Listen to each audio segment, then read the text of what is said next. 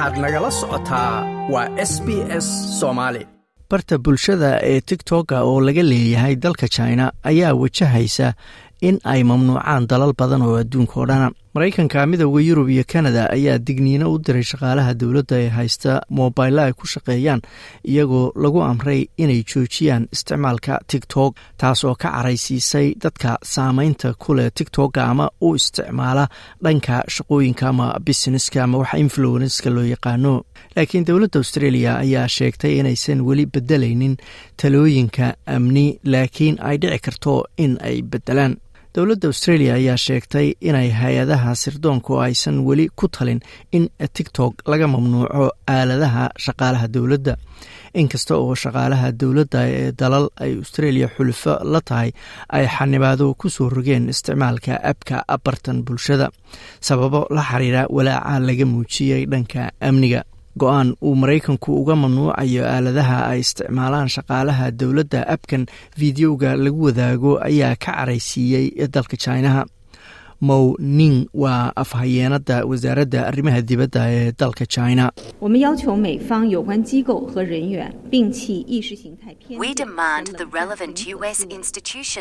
Waxaan weydiisanaynaa hay'adaha maraykanka iyo shakhsiyaadka arrintan oo ay qusayso inay iska tuuraan fikradaha eexda ku salaysan ee ah maskaxdii dagaalkii qaboobaa oo ahaa in qolo ay guulaysato ayna u eegaan xiriirka china iyo maraykanka si maangal ah oo dhexdhexaada ayna joojiyaan in china laga dhigo khatar soo wajahan iyagoo xiganaya warar been abuura. Hala joojiya ayay tiri cayda lagu hayo xisbiga shuuciga ee china. Hana la joojiyo iskudayga lagu doonayo in guul siyaasadeed la dhaliyo iyadoo aan la eegayn saameynta ay ku yeelan karto xiriirka maraykanka iyo china. Shaqaalaha wasaaradaha dowladda maraykanka ayaa la siiyey soddon maalmood inay abka tigtoka uga saaraan aaladaha ay ku shaqeeyaan iyadoo cabsi laga qabo in tigtok uu aruursanayo macluumaadka iyo xogta dadka isticmaalaya uuna la wadaagayo dowladda china. Mike galager oo ka tirsan guddihoosaad baarlamaanka dalka maraykanka ayaa sharaxaya walaaca isagu uu ka qabo bartan bulshada ee tigtoga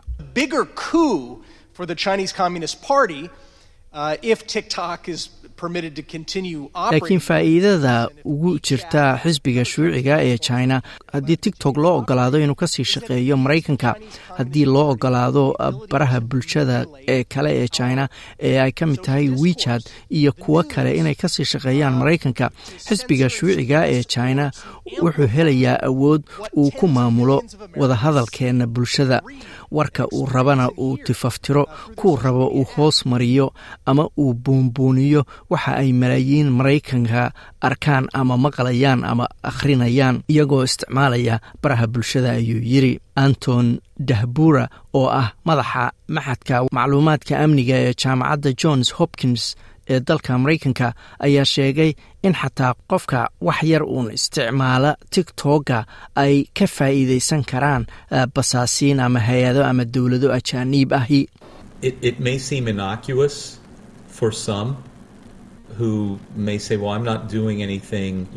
waxaa dhici karta inaan waxba weyn laga soo qaadin oo la yidhaahdo maanaaba waxba u isticmaala.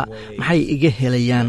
Kama shaqeeya anugu warshad nukliyera laakiin waxaa jira qaabo badan oo shisheeye gaar ahaan jiniiska mana aha jina oo keliye ay macluumaadkeenna fagan karaan oo isticmaali karaan waxyaalaha yaryar ee aanu markaas isdhaafsanno. Marka inkasta oo inteenna badan aan isleenahay ma samaynayno wax dowlad shisheeye xiisayn karto. Taasi sax ma aha ayuu yidhi mana aha maraykanka oo keliya cidda ay dhici karto inay mamnuucaan tigtok midooda yurub ayaa tallaabooyin kuwa la mida qaaday. Sonia gosbodinova waa afhayeenada guddiga midooda yurub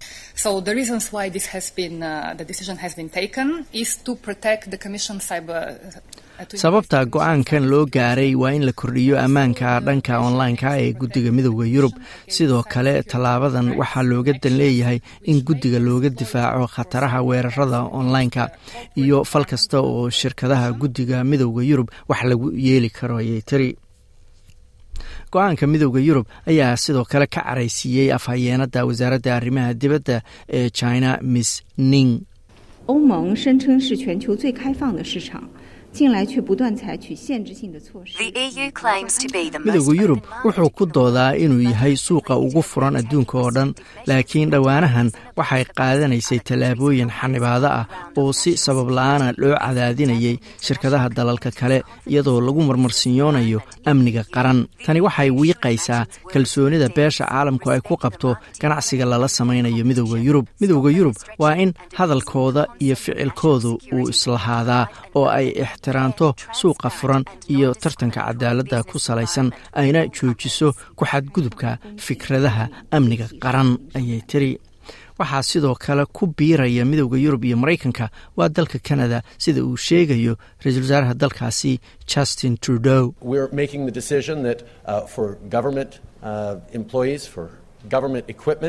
Um, uh, waxaan go'aaminaynaa in shaqaalaha dowladda iyo qalabka ay shaqaalaha dowladdu isticmaalaan inaysan fiicnayn inay haystaan ama uu tigtog ku jiro sababtoo ah walaaca dhanka amniga oo dadku qabaan. Laakiin waannu qaadaynaa tallaabo kasta oo lagu xaqiijinayo in la ilaaliyo amniga kanada runtiina waxaan isleenahay in iyadoo dowladdu ay qaadayso tallaabo ay shaqaalaha dowladda ugu sheegayso inaysan tigtog u isticmaali karin aaladaha dowladda haddana shacab badan oo kanadiyaana ama shirkado gaar loo leeyahay waxay ka fiirsanayaan iyaguna amnigooda qalabka ay isticmaalayaan. Dhanka australiyana khasnajiga dowladda federaalka jim chalmers ayaa sheegay in dowladdu aysan weli helin talooyin ah in gebi ahaanba tigtog laga mamnuuco aaladaha dowladda.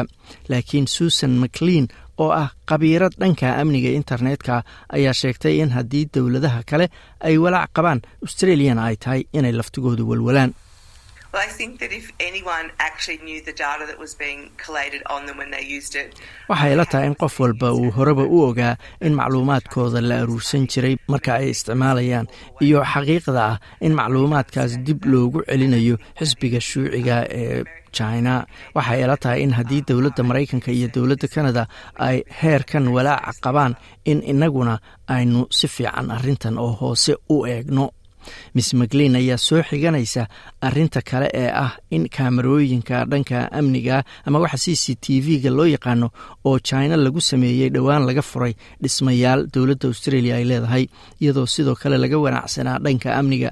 Waxayna sheegtay in tiktok ay ku khasban tahay inay fuliso codsiga xisbiga shuuciga ee china oo ay siiso macluumaad iyo xog kasta oo ay aruuriyaan anything that is a Chinese owned entity um, is beholden to the Chinese Communist Party. And wax kasta oo shirkad ama hay'ad chiniisuhu leedahay waxay ku xiran tahay oo ay la shaqaysaa xisbiga shuuciga ee china. Waa inay siiso wax kasta oo looga baahdo. Hadda tigtoka waxay leedahay lama shaqayno xisbiga warkana ma siino. Laakiin runtii waa inaannu dalkan fiirino waa austraeliye xaqiiqda ah in kaamarooyinka ku xirnaa dhismayaasha dowladda lala xiriiriyey inay ku xiran yihiin china oo hadda laga saaray dhismayaasha. Waxbaa laga baran karaa ayay tiri luke francina wuxuu ka mid yahay dadka tigtoga ku shaqaysta oo influenska la yiraahdo waxaana ku xiran saddex dhibic sagaal milyan oo qof.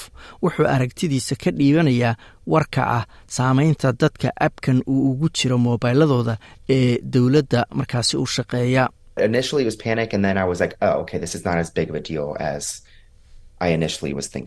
laakiin bilowgii waan ka argagaxay kadibse waxaan isiri wax weyn ma aha. Waxaa igu xiran saddex dhibic sagaal milyan oo qof inaan hal mar lumiyo dhammaantood way adkaanaysaa inaan dib u soo celiyo. Markaas si shaqsiyana ayay ii saamaynaysaa sababtoo ah waa wax aan jecelahay inaan sameeyo. Runtii ma garanayo waxa aan samayn doono. Xataa marka aan ka sii fakarayo waan murugoodaa. Waxaan dareemayaa in howl aan shaqo badan geliyey oo aan dad badan ku caawiyey anigana laygu caawiyey aan hal mar luminayo. Maer francina ayaa sheegay in tigtok oo keliya uusan ahayn aaladaha ama ababka xogta aruuriya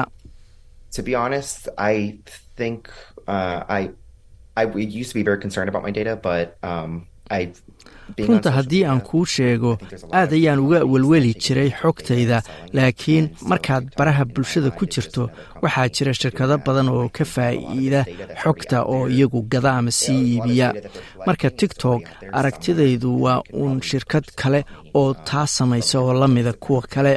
waxay la tahay in dad xogtooda awalba meel walba ay taallo ama la geyn jiray ma doonaysaa sheekooyinkan oo kale? Ka dhegayso apple podcast google podcast spotify ama meel kasta oo aad bodkastigaaga ka hesho